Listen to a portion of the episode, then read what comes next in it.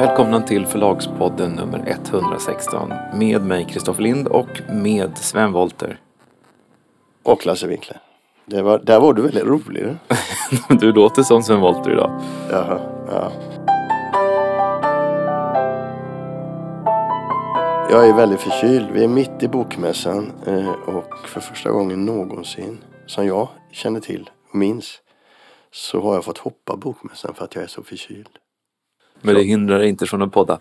Nej, jag är lite bättre idag men jag har legat, eh, jag har legat på, på rygg i eh, ett par dagar. Så att det, det är som det. En något beslöjad röst. Du, Mm. eh, apropå bokmässan då. Här skulle vi ha pratat om bokmässan. Egentligen. Eh, det kan vi inte göra nu eftersom jag inte har varit nere. Varken eh, gjort några intervjuer eller haft några samtal. Så vi får skjuta på och se vad vi kan få fram till nästa vecka. Mm. Du fick ett mail från Danska förläggarföreningen. Det är jag nyfiken på. Jag fick ett mejl från Kristina Böttcher Hansen på, som är direktör i Danska förläggarföreningen och hon säger att hon ser då att vi ska börja med att ge ut danska ljudböcker och då frågar hon om vi inte ska gå med i Danska förläggarföreningen. Eh, och jag tyckte det var lite intressant eh, som en skillnad skillnader som hur, hur olika det kan vara för det hade ju varit otänkbart att norska förläggarföreningen hade hört av sig med en liknande fråga. Eller hur? Mm. Nej, Jag svarade henne, jag svarade henne att jag, jag inte ens tänkt tanken men, men eh, vem vet och att vi kunde ju hålla kontakten och så skrev jag heja Danmark. ja, men skulle du tacka ja om du blev erbjuden en plats i Norska förläggarföreningen? Du menar ett medlemskap? Ja. Eh, alltså, jag tycker väl generellt sett att eh, eh, branschföreningar är bra och att man ska försöka gemensamt se vad man kan ha för gemensamma intressen. Just nu så vi har en, en ljudbokssatsning på gång i Danmark så det känns ju kanske inte riktigt som att jag eh, har, har, fullt ut det engagemanget riktigt. Men, men eh, vem vet? Vi kanske börjar med fysiska böcker snart också. Mm. Men du är ju... Oj. Har du tänkt på det? Vad sa du? Har du tänkt på det? Vad? Fysiska, att ge ut fysiska böcker i Danmark? Man måste tänka allt möjligt samtidigt. Men det är inte, det är inte på planen nu. Nej, men hur är det med Norge? Där är du rätt stor. Även om de till varje pris försöker trycka ner dig. Ja, det tickar på fint på i Norge förutom hos Storytel. Ja, ja, ja.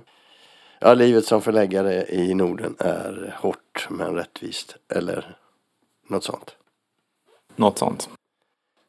Du, ehm, vad är det mer vi har? Jo, i veckan fick jag frågan av Expressens kulturredaktion när jag ville skriva en, en artikel, debattartikel, på min, eh, om min syn på svensk kulturjournalistik.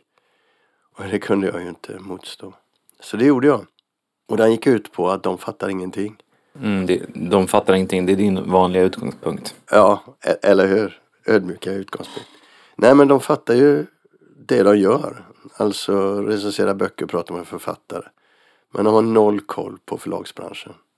Och jag menar noll koll. Mm, Jag håller med om det, men det är ju inte, det är inte kanske exempelvis en kritikers uppgift. Nej, men kulturredaktionen som helhet måste kunna vara bredare än att bara recensera böcker och prata med författare. De måste ju förstå i vilken kontext allting sker. Så de kanske skulle ha någon eller några människor som i de stora kulturredaktionerna, framförallt nationella medier och i Stockholm, har folk som förstår det de ska bevaka. Men det var i alla fall det. Och jag har bara fått medhåll från branschfolk. Ingen som tycker att jag överdriver. Du har inte fått så mycket reaktioner överhuvudtaget. Jag tror inte det var den mest brinnande frågan här nu i... Nej, jag tror faktiskt att du har helt rätt i det. Men, och, och, och sen kan det också vara så att folk i bokbranschen de, de kanske tycker inte det spelar någon roll och påtalar att jag är lite väl kategorisk. Men här tyckte jag det var på sin plats. Men det är inga kulturjournalister som har reagerat i alla fall. Nej, de läser inte. De läser inte Expressen. Expressen? Jo, kanske. Det tror jag nog de gör. Men här har de inte så mycket och det är väl poänglöst att gå i debatt med mig där tror jag. Vad ska de säga? Vi vet visst. Nej, men det kanske blir en fråga som dyker upp i valrörelsen. Eller hur? Hur tänkte du nu? Nej, men det är ju integrationen, miljön, jobben och sen så är det ju kulturjournalisternas okunskap om bokbranschen. Det är ju absolut en viktig fråga. Jaha, du tänkte på hur du prioriterar eh, omvärlden? Mm. Frågorna om omvärlden? Ja, ja, nej så tänkte inte jag. Men jag är ju en enkel själ, eller hur? Nej. Nej. Du, eh, ska vi avsluta den här flummiga punkten nu då? Mm. Inget mer som har hänt som vi kan lyfta fram?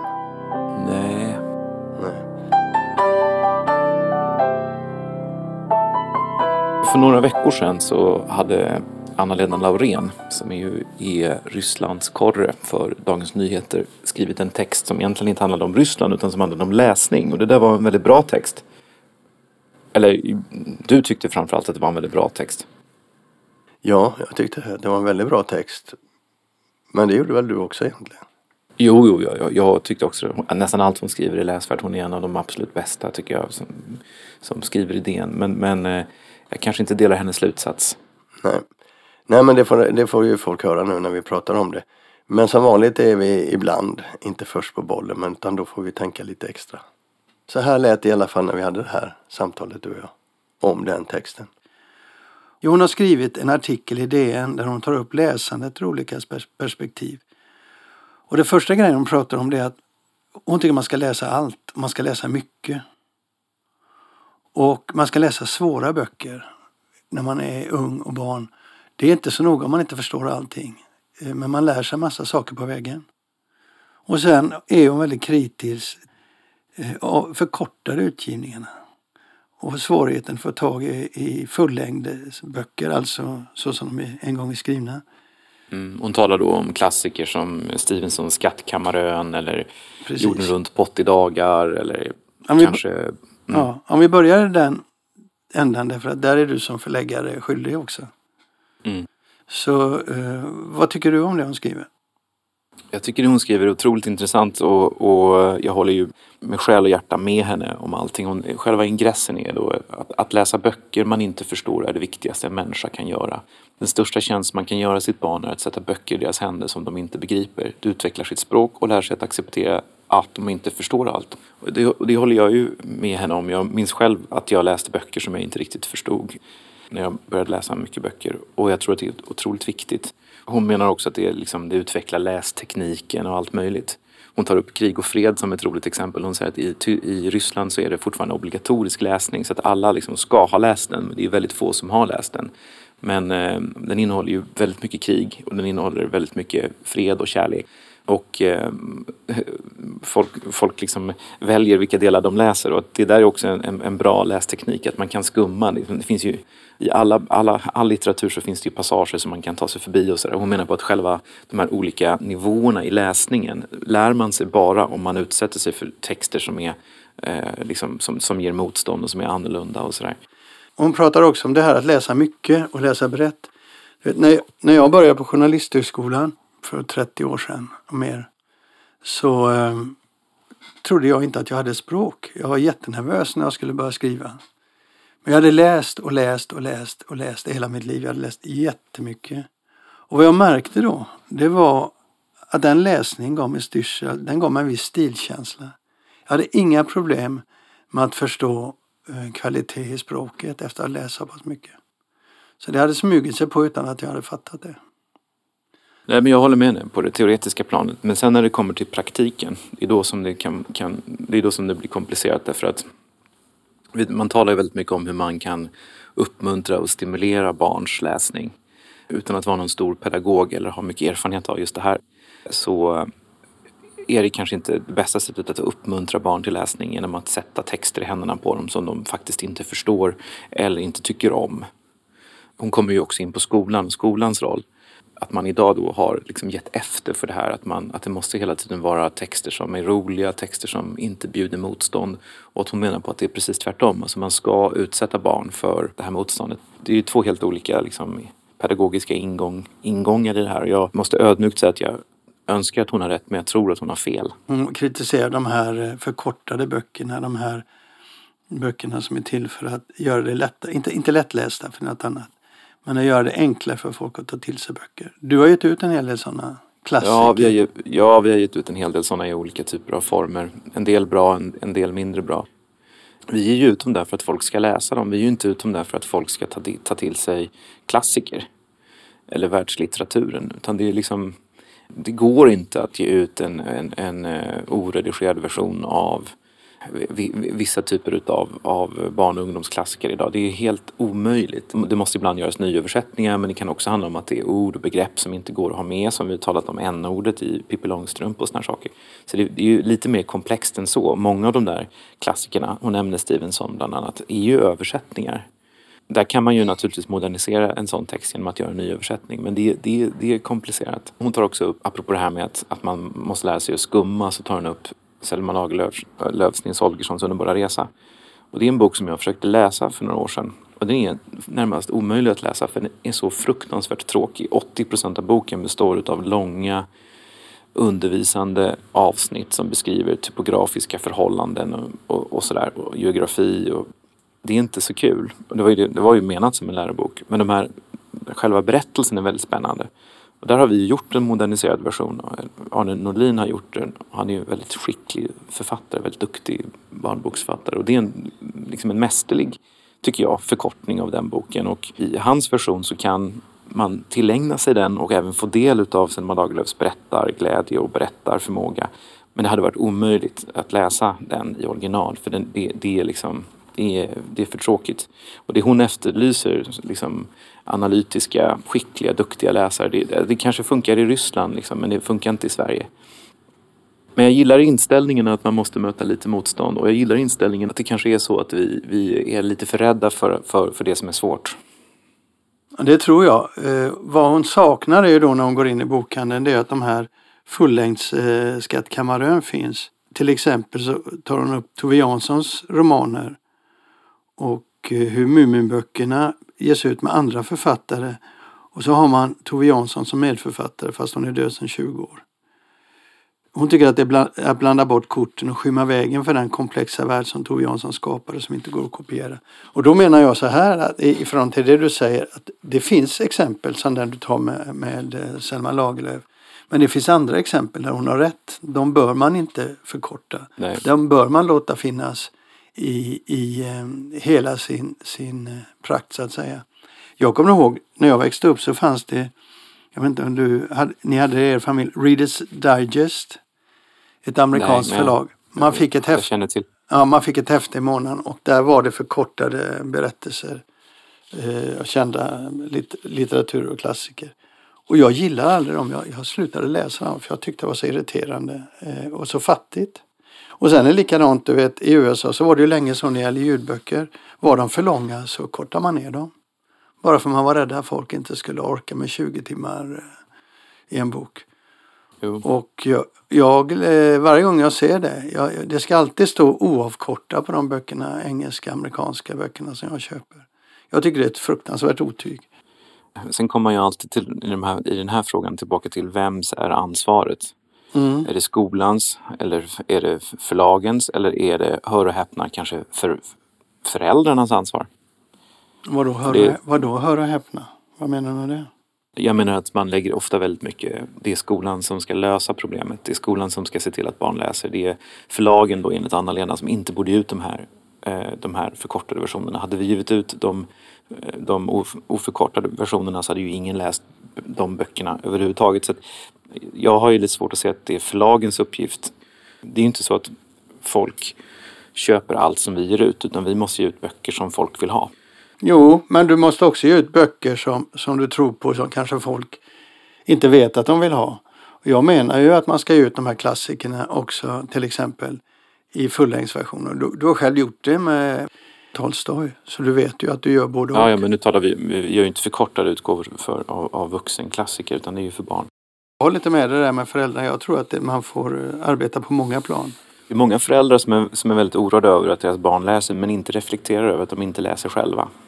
Jag kommer från en arbetarklassfamilj och i det här fallet så, så hade vi hade inte böcker hemma. Det var andra, andra saker som, som eh, lyftes fram. Jag har ju släkt som är dyslektiker och jag sprang till biblioteket och lånade 20-30 böcker åt gången. Och, och, man kan ju fråga sig, vad, vad var allt det där? Vad drev? Och, och, vem var ansvarig för vad? Jag vet inte. Man kan inte bara säga att det är föräldrarnas ansvar. För det är inte alla föräldrar som har det så lätt menar jag. Nej, men nej, det var inte det jag sa. Jag sa bara att den där, det där dyker alltid upp. Liksom, att om skolan gjorde så här eller om förlagen gjorde så här. Det, det är ju väldigt, det är väldigt svårt för alla så att säga.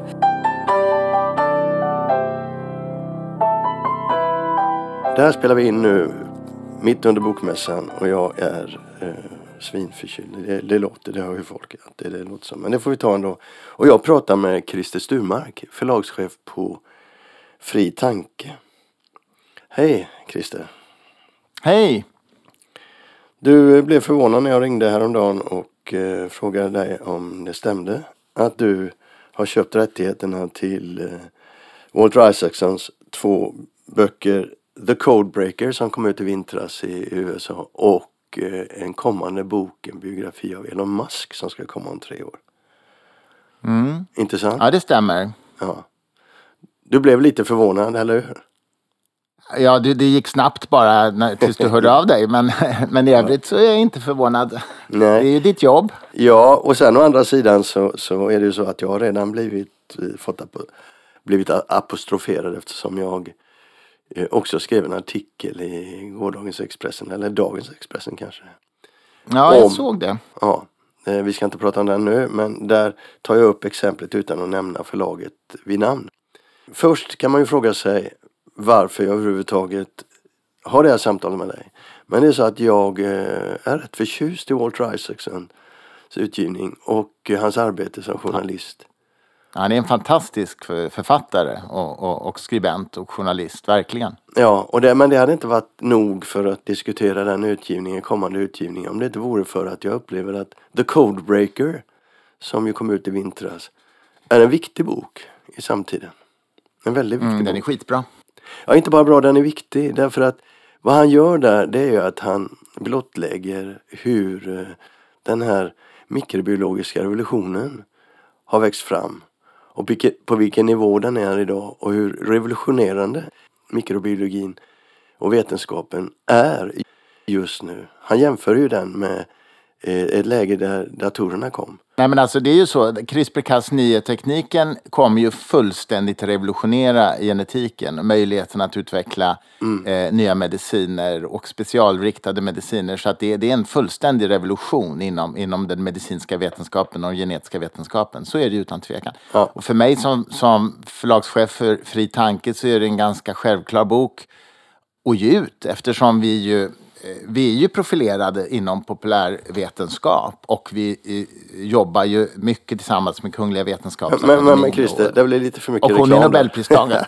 ja. Vad sa du? Det blir lite för mycket reklam där. Jag tycker som du där att ni har den profilen och den är väldigt bra.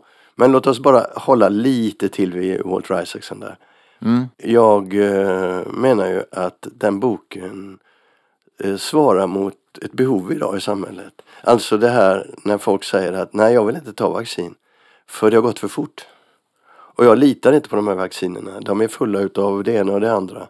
Och det är kontroll, eh, kontroll eh, från eh, makteliten och så. Walter Isaacson ger ju den som vill en möjlighet att förstå vad det är vi ser. Varför det gick så snabbt med vaccinerna. Ja, Hur den absolut. nya vaccin eh, framtagningen, eh, vad den bygger på. Men den här vaccinskepsisen du talar om är ju, är, ju bara ett exempel på en mycket större trend och det är ju en slags antivetenskaplig trend som sköljer över världen. Låt oss släppa nu betydelsen av boken. Det är bara att förklara varför jag är intresserad av att prata om den. Men låt oss titta lite grann.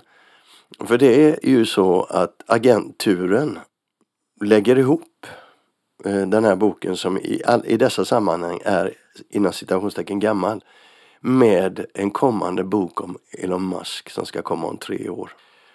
Men låt oss ta dem en och en. Hur, hur tänkte du när du gick in i den här budgivningen? Det var tre förlag. Ni vann den. Du får säga det du tycker att man kan säga utan att lämna ut. Ja, ja, jag vet inte så mycket mer än så. Jag vet att vi vann. Eh, och eh, eh, jag vet att man erbjöd båda böckerna. Vi hade nog tagit dem var för sig i alla fall för att båda böckerna passar vår utgivning väldigt väl. En sån här budgivning, den gick till i tre steg va? Ja, riktigt så enkelt är det inte. Det är ju många turer och många aspekter. Alltså det, jag är inte alls särskilt säker på att det högsta budet som vann är, är, är det här. Jag vet att Walter Isaacson tittade mycket på förlagets verksamhet, profil. Vi är ett idédrivet förlag som står väldigt mycket upp just för vetenskap. Eh, vi gör live-events. Alla de aspekterna, vågar jag säga, spelade in i att, att Walter Isaacson valde oss. Mm, men ni fick det. Men jag tänker på hur kalkylen ser ut för en sån här. För det var ju utan att nämna exakta siffran så var det ju rätt många miljoner ni fick ge för de två böckerna. Men det du skrev i Expressen stämmer inte. Jag vet ju Nämligen? vad vi la för bud. Jag Men, skrev, eh, x, okej, mil- strunt jag skrev x miljoner kronor. Nej, du skrev många miljoner. Ja, men det, det är många Och det är miljoner. fel. Jaha. Men strunt samma, vi behöver inte, jag, jag kommer inte kommentera budets nivå i alla fall. Nej, eh, och som sagt, jag vet inte om vi var högst. Jag vet att jag fick återkoppling från författaren att vår profil, vår internationella författarlista och vår verksamhet spelade, in, en, spelade en stor roll. Så mycket vet jag. Ja, men han är ju uppfostrad så det är klart. Jag menar vår verksamhet utöver själva bokutgivningen, menar jag. Ja, men jag tänkte mer, jag tänkte mer så här att, att det är klart han inte pratar om pengar. Det är klart han pratar om, om idéer. Men, men Men- hur tänkte du? Hur tänkte du när, du när, när ni tittade på de här? Vad, vad kan ni göra med de här böckerna tänker du? Om vi börjar med den här boken som vi båda är överens om är viktig. Är, finns på svenska. The, The Codebreaker. Ja, alltså till att börja med så, som jag sa tidigare, så är det en viktig bok som visar vetens, kraften i vetenskap. Och det är precis som du själv är inne på, vi lever i en tid av antiintellektuella strömningar, antivetenskapliga strömningar. Och det här är ju, det är ju kunskap, det är upplysning. Vi är ett förlag som agerar i upplysningens anda. Det här är ju en klockren sån bok. Sen har ju vi ett nära samarbete med Kungliga Vetenskapsakademin och eh, den personen som boken handlar om, Jennifer Doudna, är Nobelpristagare. Så att för oss skulle det ju naturligtvis vara naturligt att bjuda in henne, kanske tillsammans med Kungliga Vetenskapsakademin. Jag har inte frågat dem om det ännu, så det, får, det ska jag ju göra. Men att vi bjuder in henne till, till Sverige och gör en lansering till exempel. Och då, det vill vi göra efter pandemin. Nu blir ju Nobelfesten inställd även i år. Ungefär så tänker jag kring, kring det. Jag, t- nu tänker jag ju eh, att, lä- att lägga ut en sån bok till försäljning i Sverige idag där eh, diskussionen, debatten lika gärna kan bli någon helt annan. Alltså den här boken kan ju delvis försvinna. Vi har ju sett tidigare hur väldigt inom citationstecken viktiga böcker försvinner i det offentliga samtalet. Jag är lite orolig för det att eh, en sån här bok eh, jag tror inte du håller med mig för det vore ju konstigt om du gjorde det eftersom du har köpt den och ska ge ut den. Men jag är lite orolig att den här typen av böcker inte syns tillräckligt mycket. Att bokhandlarna inte ser att det här är viktiga saker att plocka upp och marknadsföra. Till exempel. Nej, men, naturligtvis har du rätt i att det är ju ofta mm, oförutsägbart. Alltså, vi har gett ut böcker som har fått mycket mer uppmärksamhet än vad vi trodde och vi har gett ut böcker som har fått mycket mindre uppmärksamhet än vad vi trodde. Så, så visst, det finns en oförutsägbarhet i de sakerna. Men som jag sa, med tanke på vår profil så tror jag nog ändå att den här boken kommer att landa rätt. Och det är ju den bedömning jag gjorde såklart när jag, när jag valde att Men köpa in stor, den. ja, men den stora boken i, i, i det här köpet var ju den kommande boken. Det är alltid de kommande böckerna som är stora. Och det är då boken eh, om eh, Elon Musk. Elon, Elon Musk. Ja. Den boken ska komma ut om tre år. Mm. Och min spontana känsla då, men shit, lever han? Är han fortfarande där han är idag? Om tre år? Jag menar det är en Nej, väldigt... men så, så, så är det ju naturligtvis alltid. Va? Det, finns ju inga, det finns ju inga garantier. Det gör det ju inte in, in, om någonting. Nej. Eh, jag vet inte om jag lever om tre år heller. Men, men alltså allvarligt talat, däremot är ju Elon Musk idag verkligen en av samtidens stora innovatörer. Så att säga. Han, är, han är ju den nya Steve Jobs. Och dels presterar han ju de facto eh, tekniska framsteg som är ganska fantastiska. Häromdagen skickades ju de första rymdturisterna upp och var ute tre dagar i rymden och landade safe and happy eh, sen. Eh, jag menar, så han, han är ju han är en symbol för någonting som, som för mig är väldigt viktigt, nämligen en tilltro till vetenskap och till teknologiutveckling. Och jag tror ju att många av de problem som världen står inför i framtiden, det här är inte den, sista, först, det här är inte den sista pandemin vi kommer drabbas av till exempel, eh, miljöhotet och alla de sakerna. Vi kommer att behöva använda vetenskap och teknologi för att lösa de här utmaningarna. Han är, han är en väldigt, väldigt viktig symbol och jag tror helt ärligt, eh, jag menar jag, jag, är ju, jag var ju själv en, en IT och internetentreprenör i mitt tidigare liv. Jag vet hur viktigt det var för mig med förebilder, entreprenöriella förebilder som ju fick mig att lockas till detta och eh, till den verksamheten. Och det är Elon Musk idag. Han är ju nummer ett. Han är den klarast lysande stjärnan på entreprenörshimlen. Mm, det betyder också Christer att, att det kommer att komma fler böcker. Och eh, Ja. bland annat så kommer det komma ett par högprofilerade biografier eh, av eh, Elon Musk nästa och nästnästa år. Mm. De kommer att konkurrera med Och det där måste du ha vetat när ni köper när ni köper eh, rättigheter. Jo, hur men tänk- visst. Hur tänkte ni visst. där? Nej, men jag, jag har läst, tror jag, allt av, av Walter Isaacson och jag tycker att han är en fantastisk författare av biografier.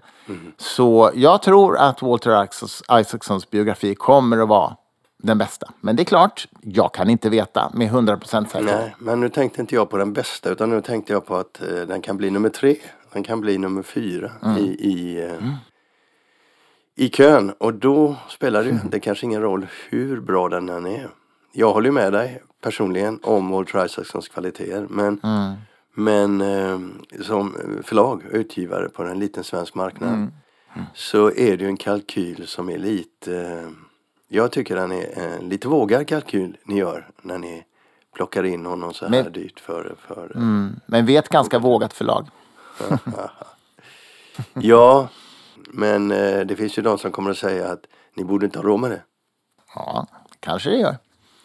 Men eh, som sagt, vi, vi ska ge ut den. Ja, men jag personligen tycker så här, jag, alla hur- ju, ju galnare det ser ut ju roligare är det. Den svenska bokbranschen behöver sådana här satsningar och ingen har egentligen att göra med om, om ni klarar ekonomiskt eller inte utom ni själva såklart. Mm. Men, men eh, för mig är det i alla fall en, en väldigt vågad kalkyl med tanke på just detta att ni kan ligga Mm. rätt sent i loppet. Och det ska bli mycket intressant att se det. Eh, Personligen är jag ju väldigt förtjust i att de här böckerna kommer ut på svenska. Mm, ja, men det är roligt att höra. Och som sagt, vi är, vi är ett idédrivet förlag. Det är, det är väldigt viktigt att ta med det när du så att säga, bedömer kalkylen. Vi är Ja. ett idédrivet förlag. Jo. Vi ger inte ut vad som helst. Vi ger ut något, saker som vi tror är av gagn för de grundvärden vi tror på. Mm, Men vad som är är intressant som här Christer, om du hade vetat vilka konkurrenterna var så är det inte de stora förlagen. Det kan vara något av de stora förlagen. Men i den här budgivningen borde ett antal av de stora förlagen vara med, inte ett eventuellt. Därför att det är ett ansvar jag tycker de stora förlagen har. Vi talar ju om böcker med en väldigt hög kvalitet oavsett. Mm. Och eh, jag för min del är lite förvånad men också förtjust över det att det är mindre förlag som har budat på den här. Mm, så ser det ut idag och det är ju kul. Jag håller med dig. Ja, men då, då eh, när tänker ni ge ut eh, The Codebreaker? Vi har inte lagt den planen exakt så det måste jag nog få återkomma om. Men eh, vi sätter ju igång med den med översättningen väldigt snart. Så att nästa år någon gång. Skulle jag tro, ja. Och Mask ser vi först om tre, fyra år. Ja, något, så- ja, så blir det. Man vet aldrig. Det kan hända att det går fortare än så också. Eh, Walter Isaacson är en ganska snabb författare. Men, men det, det vågar jag inte spekulera i ännu faktiskt. Eh, men jag hoppas ju att eh, till nästa års Nobelfirande så skulle jag tro att Jennifer Doudna kommer att komma till Sverige i alla fall. Och då är det ju roligt att kunna tajma det med den här boken såklart. Nu är det ju en bok om Jennifer Doudna men den är ju en exposé över, över eh, vetenskapens Ja, eh, utveckling under de senaste tio åren. Jag vet. Och det är så, det som är så spännande med Walter Isaacson att han faktiskt behärskar det också. Mm. Det, det, han behärskar ju ämnet. Va? Eh, men, men visst, ja, jag håller med. Det var en magisk bok att läsa faktiskt. Mm. Okej min vän, vi eh, säger så eller? Om du inte har något mer fantastiskt att berätta Nej, för men podden. absolut, absolut. För den här gången säger vi så. Tack ska du ha. Ja.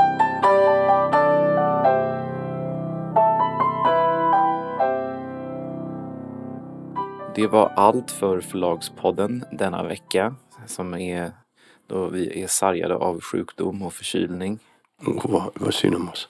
Avsnitt 116 var det i alla fall. Hej med er. Hej då!